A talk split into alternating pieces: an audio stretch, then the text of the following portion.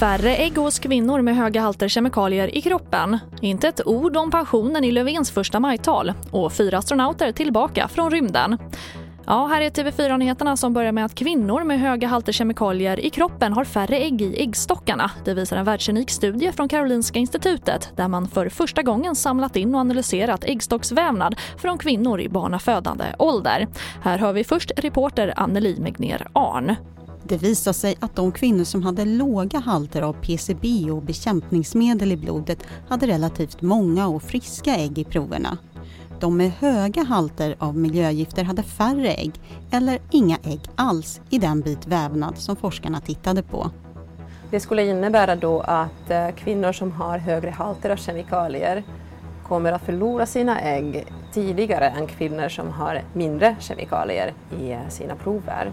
Och om äggen tar slut fortare så det innebär att man kan få problem med fertiliteten tidigare. Och sist här hörde vi Paulina Damdimopolo, forskare på KI. Och idag kommer kritik från LO-förbundet Byggnads mot att statsminister Stefan Löfven inte med ett enda ord lyfte pensionsfrågan vid sitt första majtal igår.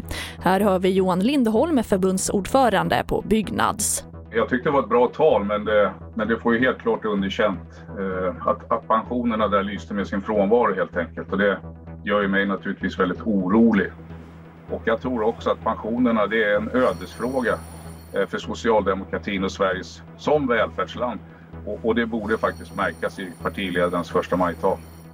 Och vi avslutar med att efter knappt ett halvår i rymden återvänder nu på förmiddagen fyra astronauter från den internationella rymdstationen. Vid halv tre-tiden i natt svensk tid dockade rymdfarkosten Crew Dragon, en SpaceX-farkost, loss från ISS med kurs satt mot jorden.